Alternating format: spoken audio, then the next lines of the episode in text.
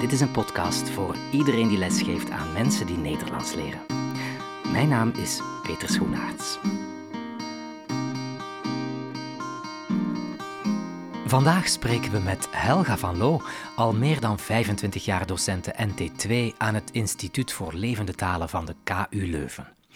Daarnaast was ze tot voor kort ook lerarenopleider NT2 aan de Universiteit Antwerpen. Helga is bekend van een heleboel publicaties. Zo is ze onder andere co-auteur van de leergang Vanzelfsprekend, een Vlaamse uh, basismethode Nederlands, en ook van het bijbehorende Van Theorie naar Praktijk, een boekje vol interactieve oefeningen. Ze schreef anders nog iets, een boek met opdrachten bij de liedjes van de zingende leraar Jan-Jaap de Vries. Liedjes die je in het basisonderwijs, middelbaar onderwijs, zelfs bij volwassenen kunt gebruiken. Heel plezierig. En ze werkte mee aan onder andere de thematische woordenschat voor anderstaligen en aan Als ik jou, poëzie met opdrachten erbij voor mensen die Nederlands leren. Momenteel ontwikkelt Helga materiaal voor de gratis Vlaamse website Netbox, waarmee cursisten Nederlands oefenen. En in de loop der jaren heeft Helga wereldwijd ontelbare nascholingen en workshops voor docenten NT2 en NVT verzorgd. Van het primair tot het hoger onderwijs. Je hoort het al, hè? zij is de ideale persoon om ons een aantal praktische NT2-tips te geven. En kijk eens aan, ze zit hier bij me. Ja, klopt. Dag Peter. Ja, hey, hallo. Um, Helga, um, misschien heel even over jezelf. Hè? Um, je geeft al 27 jaar Klopt, les ja, helemaal aan juist. anderstaligen. Uh, wat heb je voor jezelf in al die jaren geleerd? Bedoel je in de les of in het leven? Ik bedoel in de les. in de les. Ik heb heel veel geleerd in de les. Um, je leert heel veel sowieso als je les geeft van je doelgroep, hè, van mm -hmm. de mensen die voor je zitten. Ook van collega's heb ik heel veel geleerd. Um, niet onder, te onderschatten. Um, bron van inspiratie, vooral als je zoals bij ons een docententeam hebt dat regelmatig wordt uh, verfrist. Um, het is enorm inspirerend om samen te werken met collega's en uh, ze in je klas uit te nodigen om bij elkaar mm -hmm. te kijken. Ja, want jij bent wel iemand inderdaad die blijft bijleren en die ook mensen aanraadt om te blijven bijleren. En eventueel bijvoorbeeld bij elkaar eens in de les gaat kijken uh, om inspiratie op te doen. Absoluut, ja. Dat houdt mij wakker. En ik kan het iedereen aanraden om wakker voor de klas te staan. Ja. Um, niet alleen wakker natuurlijk met je ogen open, maar ook wakker en uh, um, open voor de, de diversiteit die uh, voor je zit. Mm -hmm. en, Waarom is het belangrijk om um, bijvoorbeeld bij een collega te gaan kijken? Om te blijven bijleren, denk ik. het is altijd interessant om elkaar te kunnen helpen in het leren van uh, zowel de didactiek als de inhoud van je les. Ja. Um, dus ik denk dat het goed is, zowel voor ervaren docenten als voor minder ervaren docenten, om bij elkaar te blijven observeren. Ja, om uh, een lesje te observeren en daar achteraf even over te praten. Ja. ja, ja. Niet om elkaar kritiek te geven, nee, maar om absoluut niet. allebei ja. bij te leren. Ja, die open houding zorgt ervoor dat het niet overkomt als kritiek, maar als uh, Ja. tips om elkaar Ja. Iets bij te leggen. Ja, wel, dat is al een hele goede tip, uh, bij elkaar gaan observeren. Maar je hebt uh, nog tien andere tips, didactische tips voor ons uh, bij elkaar gebracht. En ik stel voor dat we daar meteen in duiken. Goed. En um, laten we zeggen dat je telkens de tip geeft, of de tip zegt, en dat we daar dan over gaan praten, of meer uitleg over krijgen. Oké, okay. ik zal de tip telkens uh, als een dwingende imperatief formuleren, ja, zoals jij graag. het graag hebt. Ja, heel graag. Wat is tip 1? Tip 1 is bepaal het doel van je les. Dat mm -hmm. klinkt uh, heel logisch, ja. maar ik merk toch wel dat veel docenten dat wel eens vergeten. Hè? Dat ze aan de slag gaan met leuk materiaal, dat ze een leuk thema hebben gevonden, maar dan vergeten um, wat ze eigenlijk willen bereiken met dat materiaal. Ja, want dat is iets wat eigenlijk elke soort leraar, of je nu wiskunde of, of Nederlands uh, doseert, je moet wel weten waar je naartoe gaat. Je Absoluut, moet een doel ja. bepalen. Vind je dat dat iets is dat je moet opschrijven of, uh, of dat je uit je lesboek moet halen? Hoe, ja, kan allebei natuurlijk, maar ja. ik denk dat het goed is dat je het voor jezelf uh, bedenkt. En voor mij werkt het beter als ik, uh, als ik het ook opschrijf, Mhm. mm -hmm. omdat ik het dan echt voor ogen hou, ook tijdens mijn les. Ja.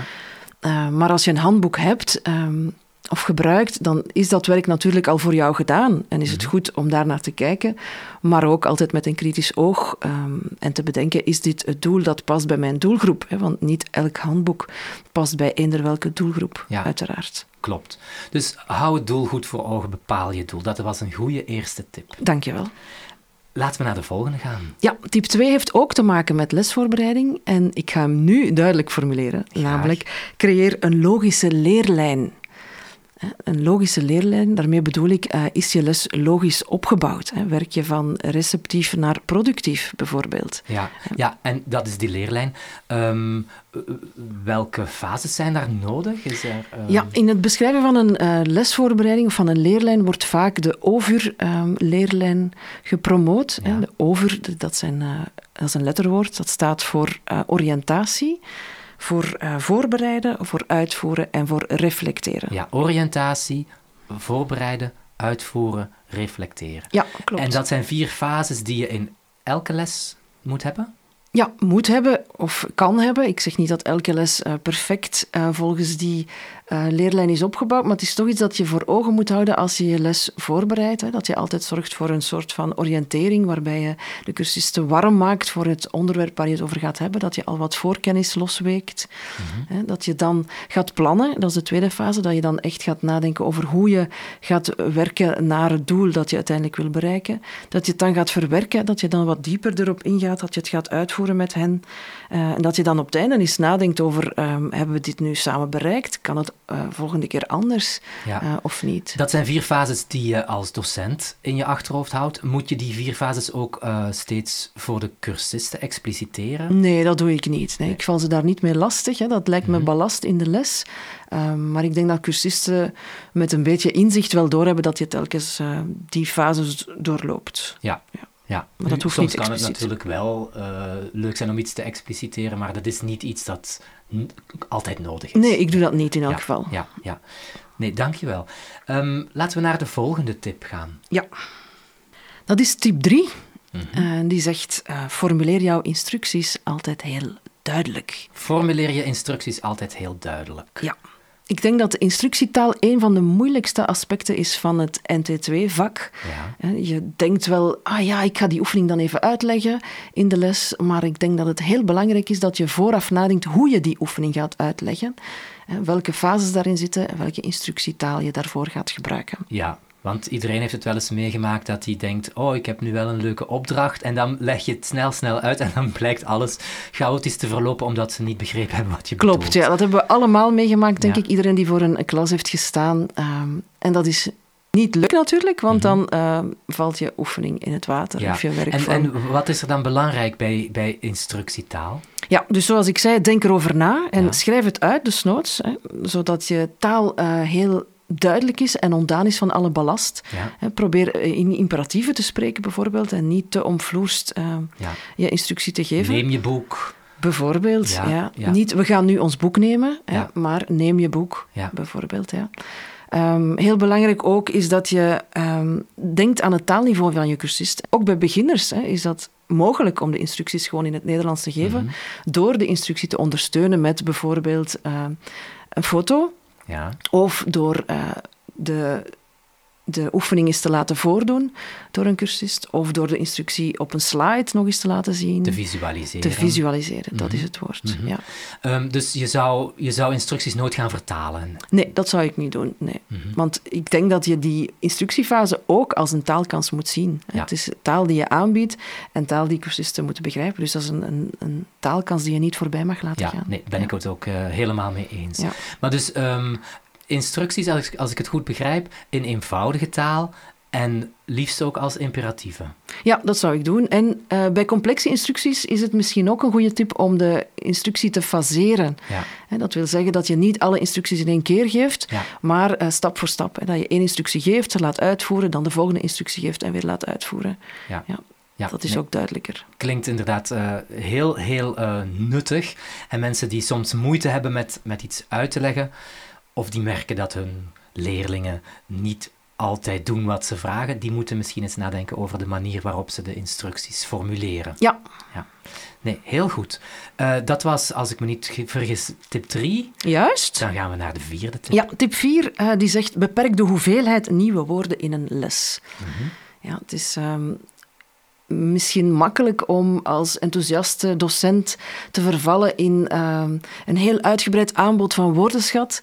Als je denkt, oh, we gaan iets doen rond kleren of rond restaurant en je gaat uh, alle mogelijke woorden die daarmee te maken hebben proberen aan te brengen, dan moet je bedenken, zijn die woorden wel nuttig, zijn die relevant, zijn die frequent genoeg uh, voor de mensen die ze moeten gebruiken. Ik heb een les meegemaakt uh, waarin een docent het woord kaplaarzen en beenwarmers aanbracht. Mm -hmm. Dan vraag je je wel af uh, of die docent vooraf heeft nagedacht uh, of die woorden in het dagelijks leven van de cursist nuttig kunnen zijn. Ja, want ze zijn niet zo frequent. Klopt. ze kunnen niet zo relevant zijn. Nee, ze kunnen natuurlijk wel relevant zijn voor cursisten die in de kledingbusiness willen gaan. Ja, hè. ja dat absoluut. kan ja. soms wel nuttig zijn, Mm -hmm. hè, maar hou altijd voor ogen wie er voor je zit en of die die woorden kunnen gebruiken. Ja, dus eigenlijk altijd kijken naar hoe uh, frequent de woorden zijn en of ze relevant zijn voor de doelgroep Mhm. met wie je aan het werken bent. Ja, klopt. Mhm. Ja. En uh, op basis daarvan een selectie maken. Hè? Want ook dan, er zijn natuurlijk heel veel relevante en frequente woorden. Hè? Maar maak toch altijd ook een selectie. Hè? Maak niet, gebruik niet of breng niet te veel woorden aan in een les. En die ervaring heb ik zelf uh, gehad toen ik de opleiding Didactiek Nederlands aan anderstaligen volgde. Mhm. Aan de Universiteit Antwerpen in uh, het jaar 96 was het, denk ik. Toen nog bij Anne de Schrijver en Jes Leijzen. Um, dan kregen we een eerste les Japans, hè, Japans voor beginners, waarin we uh, onszelf moesten leren voorstellen en de basisvragen moesten leren stellen. Wie ben je? Waar woon je? Wat doe je? Hè, dingen die elke docent doet in de eerste taalles, denk ik. En uh, ik herinner me nog altijd het gevoel dat ik had, de reddeloosheid die ik voelde en de angst toen de docent mij op het einde van de les vroeg om me dan voor te stellen in het Japans. Ja. Uh, dat was... ja, ik vond het heel moeilijk eigenlijk. En ik besefte dan um, hoeveel inspanningen wij verwachten van die cursisten om, uh, om al zo snel uh, productieve taal te uiten. Ja. ja, dat is eigenlijk iets wat elke NT2-docent zou moeten doen. Ja, uh, kan ik alleen maar aanraden. Een hè? andere taal ja. studeren of ja. Proberen in een andere taal Ja. te, functioneren. Ja, en zeker een taal um, die weinig linken heeft met jouw moedertaal. Hè? Ja. Dan, dan, besef je pas hoe moeilijk het, er is, hoe moeilijk het is voor bijvoorbeeld Chinezen Ja. uh, om bij ons dan uh, Nederlands te leren. Ja. ja, nee, ik ben het helemaal eens. En ook dat beperken van de woordenschat. Ik, ik denk altijd, ik heb liever dat ze na mijn les vijf woorden kennen, dan dat ik er vijftig heb aangebracht waarvan ze er niks, waarvan ze er geen enkele onthouden. Mm -hmm. Ja, absoluut. Dus je moet, je moet eigenlijk soms heel duidelijk beperken om vooruit te kunnen. Ja, ja. zeker. Ja. Nee, heel, heel, uh, heel duidelijke tip. Dankjewel. Zullen we naar tip 5 gaan? Graag. Ja, tip 5 die heeft er een beetje mee te maken. Die zegt, zorg voor voldoende herhaling. Mhm. Mm -hmm. dat geldt niet alleen voor, uh, voor uh, zinsneden of voor grammatica, maar natuurlijk ook voor woorden. Ja. Het is niet omdat je één les hebt um, besteed aan een bepaald woord of een aantal woorden, dat die volgende les nog steeds uh, in het hoofd van je cursisten zitten. Mhm. Mm -hmm. Er zijn heel veel fases in het verwerven van... van uh, woordenschat. Het is niet omdat ze het al eens gehoord hebben dat ze het ook meteen productief in een, een goede context kunnen gebruiken. Um, maar het is belangrijk dat je het woord in verschillende fases um, aanbrengt. Ja. Hè. En je mag er dan natuurlijk niet zomaar van uitgaan dat de leerder uh, het thuis dan wel zal herhalen en studeren. Je mag daarvan uitgaan, maar Ja. ik vrees dat het geen uh, resultaat zal hebben, zal Ja. ik zeggen. Dat leert mijn ervaring me wel. Um, dus ja, denk erover na. Hè. Hoe ga je het aanbrengen? Hoe ga je het semantiseren? Gebruik je bijvoorbeeld foto's? Gebruik je gebaren? Gebruik je synoniemen? Gebruik je woordvelden? Er zijn zoveel manieren, Mhm. hè, maar probeer die uh, te, af te wisselen en probeer die te combineren, zodat het woord op zoveel mogelijk manieren binnensluipt Ja. in het hoofd van de cursist. En probeer het dan uh, ook zoveel mogelijk te verwerken in... Uh, Ja, maar dus als docent moet jij ook wel zorgen voor voldoende herhaling. Je kan er niet van uitgaan ja. dat de leerder nee, zelf alles herhaalt. nee, nee. Ehm, dat betekent dan eigenlijk ook dat de docent genoeg geduld moet hebben. Je Ja. mag niet verwachten dat de volgende les, als je iets hebt uitgelegd, dat ze dat allemaal eh, kunnen of kennen en, en snappen en eh, Nee. produceren. Ja, ik denk dat geduld een van de belangrijkste um, talenten is die een docent Mhm. taaldocent, denk ik in het algemeen, of misschien een docent toekoer moet hebben. Ehm, inderdaad, geduld, ja, heel belangrijk. Ja, ja. en dus... Ehm, nee, ik herinner me dat ook nog wel, dat ik, uh, toen ik pas les gaf, dat ik dacht van, maar ik heb het toch uitgelegd? Mhm. Dat je... Dat je ja, dat je denkt van waarom onthouden ze dat dan niet? Maar dat is gewoon een heel normaal psychologisch proces. Dat denk ik je ook. Moet ja. je erbij neerleggen dat dat niet van vandaag op morgen nee. kan. Nee. Ja. Dat doet me denken aan uh, iets wat ik deed in mijn les uh, woordenschatdidactiek aan, universiteit, aan, aan de Universiteit Antwerpen. Um, daarin uh, bracht ik in het begin van de les het woord bedonkismoel aan. Ja, wat is dat? Het is een nonsenswoord dat ik gehaald heb uit het boekje um, Het boek zonder woorden. Uh, sorry, het boek zonder tekeningen. Ja. Is een kinderboek. Een heel leuk boek trouwens, een aanrader. Maar daarin komt dus het nons nonsenswoord bedonkismoel voor. Mm -hmm. En ik heb dat voorgesteld als een, uh, een nieuw woord dat uh, een synoniem is voor ontbijt. Mm -hmm. Dus ik had het uh, gesemantiseerd met een foto. Ik had erover gepraat. Ik had uitgelegd waar mijn bedonkismoel uit bestond. Ik had ook voorbeelden gegeven van andere bedonkismoelen uit andere landen. Ik had uh, contexten gegeven. Ik had ze gevraagd naar hun bedonkismoel. Ik had ze een interview laten doen met elkaar over hun bedonkismoel. Dus het woord bedonkismoel moet wel twintig keer gevallen zijn in die les.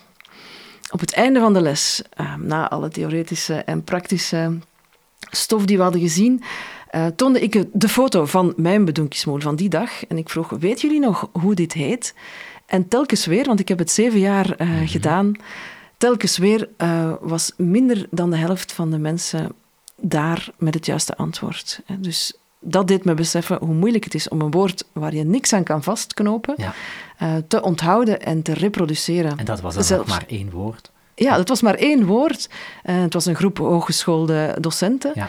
Uh, dus een, daarvan zou je verwachten dat het blijft hangen. Maar ik besefte toen hoe mm-hmm. moeilijk het is. Mm-hmm. Dus het was geen verwijt naar die docenten dat ze het niet meer nee, kenden, nee, nee. maar het was wel een besef en een eye-opener voor iedereen dat je echt moet nadenken over die selectie en de herhaling. Ja, herhaling, herhaling, herhaling. Ja, je kan absoluut. het niet genoeg ja, herhalen. Absoluut. Heel belangrijk. ja, nee, heel, heel, heel uh, duidelijk en heel nuttig. Laten we naar de volgende tip gaan. Ja, de volgende tip die zegt: bied zoveel mogelijk spreekkansen. Bied zoveel mogelijk spreekkansen. Ja. Vertel. Ik, ja, ik denk dat het belangrijk is om uh, voor interactie te zorgen, spreekkansen tussen cursisten, maar ook tussen jou en cursisten. Um, veel docenten denken wel eens dat zij vooral aan het woord moeten zijn mm -hmm. in de les. En dat is als beginnend docent misschien logisch. Of als je les geeft aan beginners, dan denk je ook, ja, ik moet ze toch zoveel, zoveel leren, dus ik zal maar vooral praten. Ja. Maar zelfs in de eerste les kan je ervoor zorgen dat er al heel veel interactie is en spreekkansen voor de cursisten. Ik zou elke. Ik zou, er, ik zou proberen om elk moment in de les um, als een spreekkans te zien. Mm -hmm. Bijvoorbeeld als ze binnenkomen. Goedemorgen, hoe was je weekend? Wat heb je gisteren gedaan? Na de pauze bijvoorbeeld vraag ik ook altijd, wat heb je in de pauze gedaan? Ook al is dat telkens opnieuw, ik heb een appel gegeten of ik heb een sigaret gerookt. Ja. Dat is oké, okay, maar het is een spreekkans. -hmm. um, als iemand afwezig is, als iemand um, te laat komt, ja, telkens opnieuw stel ik vragen om ze toch maar tot spreken te motiveren. Ja, um, het is ook belangrijk dat je niet alleen als docent met de cursisten praat, maar dat je ook de cursisten onderling zoveel mogelijk laat praten. Ja, zeker. Hè. Het is niet, zeker niet alleen aan jou als docent om die spreekkansen te creëren. Natuurlijk, ja, je creëert ze natuurlijk wel uh, voor de cursisten, maar je hoeft niet altijd lid te zijn van het deel te, uit te maken van het gesprek. Je kan zeker cursisten met elkaar uh, in gesprek laten gaan, in duo's, in, in groepjes. Dus ook daar is het aan jou om zoveel mogelijk spreekkansen te creëren. Hoe zorg je ervoor dat ze, dat ze aan het praten blijven? Door um, heel veel motiverende oefeningen te voorzien. Die, uh, daar komen we straks nog op terug. Maar ook door elk moment in de klas te zien als een spreekkans. Ja. Ja, dus zoveel mogelijk spreekkansen. Ja, dat is mijn bieden. tip. Dat is de tip. Tip nummer 6 was dat. Dan gaan we naar tip nummer 7. Ja, tip nummer 7 die zegt zorg voor interactie en uitdaging. Interactie en uitdaging. Ja, die hangt een beetje samen met die spreekkansen waar ik, daarnet, waar ik het daarnet over had. Maar bij uitdaging um, bedoel ik ook dat je ervoor moet zorgen dat je materiaal um, interessant is. Dat ze nieuwsgierig worden en willen weten uh, wat er wat er in het materiaal zit, of wat je te vertellen hebt, of wat er, wat er in de tekst staat. Of dus wat ook zorgen voor een informatiekloof? Ja, klopt. Hè? Een informatiekloof is een, is een oefening waarbij iemand informatie heeft die de ander niet heeft. Ja. En het doel van die oefening is natuurlijk spreken. Dat is het uiteindelijke doel. Maar uh, je probeert ze wel uh, die informatiekloof te laten dichten. Ja. Je probeert ze die informatie te laten te weten komen van hun partner en daarvoor moeten ze spreken. Ja, en betekent uitdaging ook dat het uh, iets is dat misschien net iets moeilijker is dan wat ze op dat moment aankunnen? Ja, dat lijkt me zeker een goed idee. Hè, dat je probeert altijd een, een stapje hoger te gaan en een uh, stapje verder te brengen. Mm -hmm. Dat het materiaal uitdagend is, is zeker ook wat ik daarmee bedoel, ja. Ja, want als ze, als ze alleen maar dingen oefenen die ze al geleerd hebben of die ze kunnen, dan wordt het snel saai misschien. Ja, dat is natuurlijk nuttig om dingen te oefenen. Dat mm past bij die tip van herhaling, hè, die, die, ze al kennen. Dat moet je zeker ook blijven doen. Maar er moet in elke les minstens ook altijd wat, nieuw, wat nieuws zitten, hè, om het boeiend en uh, interessant te Zodat houden. Zodat ze ook het gevoel hebben van, ik, ik moet dat verwerven, ik moet dat oefenen, ik moet dat proberen te begrijpen. Het werkt heel motiverend, denk ik, ja. Ja, om vooruit te kunnen. Absoluut. Uitdagen. Ja, uitdagen. Okidoki. Oké, okay, tip 8, uh, die zegt zorg voor voldoende afwisseling in de les. Hè, afwisseling en variatie. Zowel in je materiaal als in de werkvormen die je gebruikt. In uh, materiaal merk ik in lessen dat docenten heel vaak teruggrijpen naar tekstmateriaal. Ze vertrekken vanuit een dialoog of vanuit een tekst of een artikel op papier. Er zijn zoveel andere dingen die ook als input kunnen dienen, die heel teasend kunnen werken of heel uh, uitdagend kunnen zijn voor cursisten. Bijvoorbeeld een, foto of een, um, een geluidsfragment of uh, muziek zonder tekst. Ook dat kan dienen um, als uh, input om tot spreken te verleiden. Mm -hmm. Dus uh, daar zou ik willen pleiten om te variëren. Die tekst of die dialoog uit die tekst is natuurlijk, uit het boek is natuurlijk niet slecht. Dat wil ik zeker niet zeggen. Maar Mhm. probeer te variëren en ook aan niet-evidente dingen als input voor een taalles Ja, te denken. Als je het hebt over afwisseling, bedoel je dan ook tussen de verschillende vaardigheden? Luisteren, lezen, schrijven, spreken? Uiteraard, hè. Ja. Ja, en ik kan me voorstellen dat als je ehm, dingen meebrengt, ik zeg maar wat, eh, iets uit de krant of over de actualiteit, dan zorg je ook weer voor, ehm, voor een afwisseling met wat je normaal gezien zou doen. Zeker, ja. En dat kan door een artikeltje uit de krant of Ja. iets wat, wat je Kan. op nieuws hebt gehoord Ja. te bespreken. Ja. Of een foto uit de krant, hè. Ja. En dan vragen, wat weet je erover? Heb je er iets over gelezen? En dan krijg je een spreekkans. Ja, nee, heel goed. Dit was tip 8. Klopt. En kun je die nog eens herhalen? Ja, zorg voor voldoende afwisseling. Zorg voor voldoende afwisseling, dat gaan we niet vergeten. Dan gaan we naar 9. Ja, tip 9. Creëer een motiverende, aangename en veilige klassfeer. Een motiverende, aangename en veilige klassfeer. Wa- Wat is een veilige klassfeer? Een veilige klassfeer is een ehm, context waarin cursisten zich ehm, op hun gemak voelen, waarin ze zich veilig genoeg voelen om te spreken, waarin ze durven spreken, maar waar ze het ook oké vinden om dingen te delen over zichzelf, waarin ze voelen dat het oké is om, om dingen te vertellen. Hoe zorg je ervoor dat, eh, dat de, de omgeving veilig voelt? Ik denk dat het heel belangrijk is om eh, in het begin van je cursus eh, veel aandacht te besteden aan de kennismaking. Dat je ervoor zorgt dat jij je cursisten kent, dat je wat dingen weet over hen, maar ook dat ze elkaar kennen. Ja, ik sta erop dat, dat ik hun namen ken. Ik probeer ze na de eerste les altijd te kennen. Maar ik probeer er ook voor te zorgen dat ze elkaars namen kennen.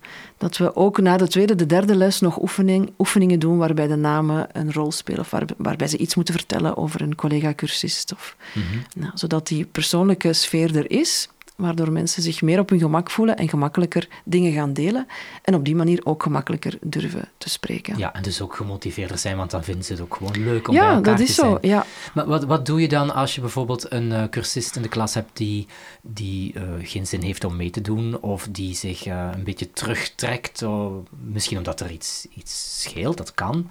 Maar wat doe je dan? Want zo iemand die, ja, die heeft wel invloed op de sfeer. Ja, klopt. Eh, ik zie het altijd als een uitdaging om die toch mee te betrekken in de les. Eh, ik probeer die natuurlijk niet te bruskeren, dus ik laat die even doen. Ik laat die met rust, maar in de pauze ga ik er naartoe en vraag ik wat er aan de hand is. Ik ga Ja. altijd in gesprek. Ehm, en dan probeer ik ehm, ervoor te zorgen dat die toch meedoet door, die, uh, door te respecteren wat die cursist nodig heeft. En soms is dat ook gewoon eh, door die individueel zijn ding te laten doen. Dat kan ook. Hè. Ja. Um, het is zeker niet zo dat ik dan een cursist ga forceren in een interactie waar hij op dat moment niet klaar voor is. Ja. Vind je wel dat um, cursisten in een klas altijd moeten meedoen? Stel dat je een, een spelletje gaat spelen en iemand zegt van ja, ik hou niet van spelletjes. Vind je dan dat die persoon wel moet meedoen? Ja, ik vind het wel. Um, ik zal proberen om die cursist dan uh, uit te leggen waarom ik het spelletje doe en wat het nut is. Ja. Want vaak is de kritiek dan, uh, ja, het is een spelletje, dat hoef ik niet te doen, daar leer ik niks mee, daar, heb ik, daar ben ik niet voor gekomen. Mm -hmm. uh, maar dan probeer ik toch uit te leggen welk nut het heeft en ook als hij dat mee heeft gedaan, achteraf er nog eens op te wijzen. Of te bewijzen, of te laten bewijzen door die cursist dan, dat het toch wel nuttig is geweest. Hè? Ja. Ja. Ja, ik kan me voorstellen, ik had het natuurlijk wel eens af en toe als we een drama-spelletje deden of zo, dat iemand zei van, ja, maar ik kom, ik kom hier om grammatica te studeren. Mm -hmm. um, dat ze achteraf wel zeiden van, oh ja, ik, heb, ik snap waarom we het gedaan hebben. Mm -hmm. Dus soms moet je ze gewoon ja, even dwingen is misschien niet het mhm. juiste woord, maar toch laten voelen van kijk, we zijn hier met z'n allen mhm. en de anderen doen een inspanning, dus iedereen moet een inspanning doen. Het is niet leuk dat je aan de kant zet mhm. en, uh, en alleen maar kijkt naar de, naar de anderen die allemaal iets aan het doen zijn. Ja. Uh, voilà, ja, nee, nee heel, uh, ja, heel duidelijk. Laten we naar de laatste tip gaan, tip nummer 10.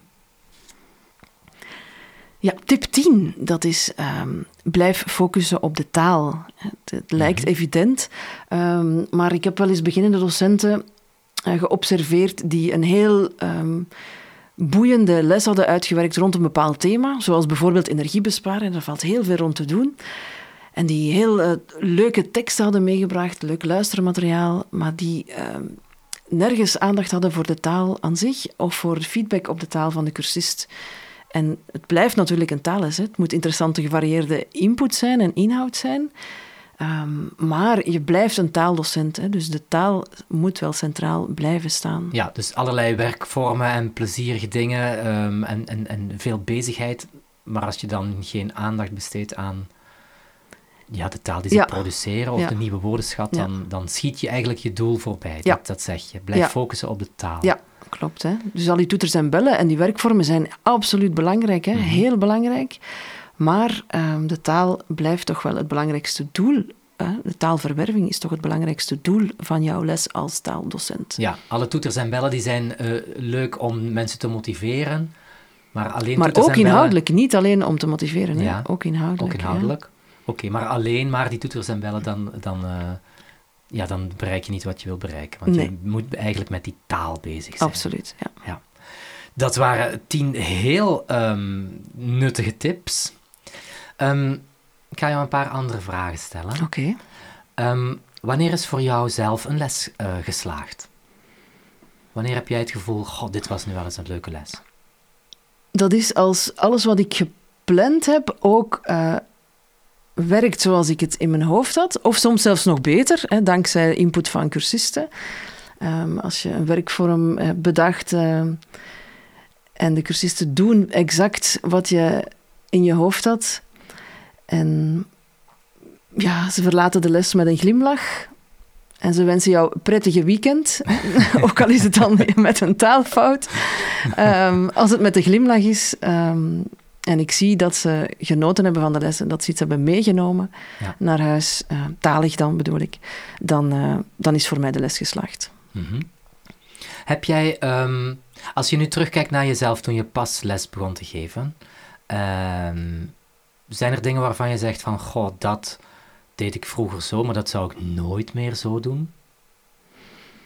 Dat is een goede vraag. Ik heb heel veel fouten gemaakt, absoluut. Om een concreet voorbeeld te geven, ik denk dat ik sowieso in die thematische val ben getrapt van te veel woorden te willen aanbrengen in één les. Mm -hmm. um, ik heb ook een speciale vorm van humor die uh, soms werkt en soms niet. Uh, dus daar zal ik me ook wel eens bezondigd hebben aan um, cultureel incorrecte mopjes. Dus daar ben ik nu wel uh, alerter voor. Um, maar ja, ik maak nog altijd fouten trouwens, dus ik zou... Ik denk dat het belangrijk is dat je als docent ook blijft bijleren. Dus ja. Het is ook niet erg dat je iets verkeerd doet of iets niet weet. Absoluut, ja. Maar het, het moet voor jezelf natuurlijk de uitdaging zijn om steeds beter te blijven worden. Ja, dat geldt voor het leven, maar inderdaad ook uh, voor ons als docenten. Geniet ervan en uh, haal eruit wat erin zit. Ja, ja. dat is een mooie afsluiting. Oh, dat denk ik ook. Helga, het zijn eh, hele duidelijke tips die je hebt gegeven. Um, mogen we ze samenvatten op een blaadje, zodat mensen ze kunnen downloaden? Dat mag je. Dat is heel tof. Um, dan gaan we dat doen. Dan kunnen mensen die bij deze podcast uh, downloaden, bij deze aflevering. Um, wie nog vragen heeft of opmerkingen, die mag altijd een reactie achterlaten op de Facebookpagina docentnt2.eu. Of die mag mij een mailtje sturen. Um, je mag natuurlijk ook een recensie achterlaten bij deze aflevering op het platform waar je naar de aflevering hebt geluisterd. En um, wil jij nog iets toevoegen, Helga? Is er iets dat je nog graag had gezegd? Misschien nog één ding. Ik denk dat het heel belangrijk is dat je je amuseert in je les. Dat je geniet uh, van het lesgeven van de doelgroep. Um, ik, ik, vind het een fantastische job, dus ik hoop dat uh, de docenten die luisteren ook het plezier uh, van de job kunnen vinden. Want ja. het is een geweldige. Ja, en dat is een hele mooie afsluiter. Dankjewel. Dankjewel en uh, jullie allemaal tot uh, volgende week. Dag.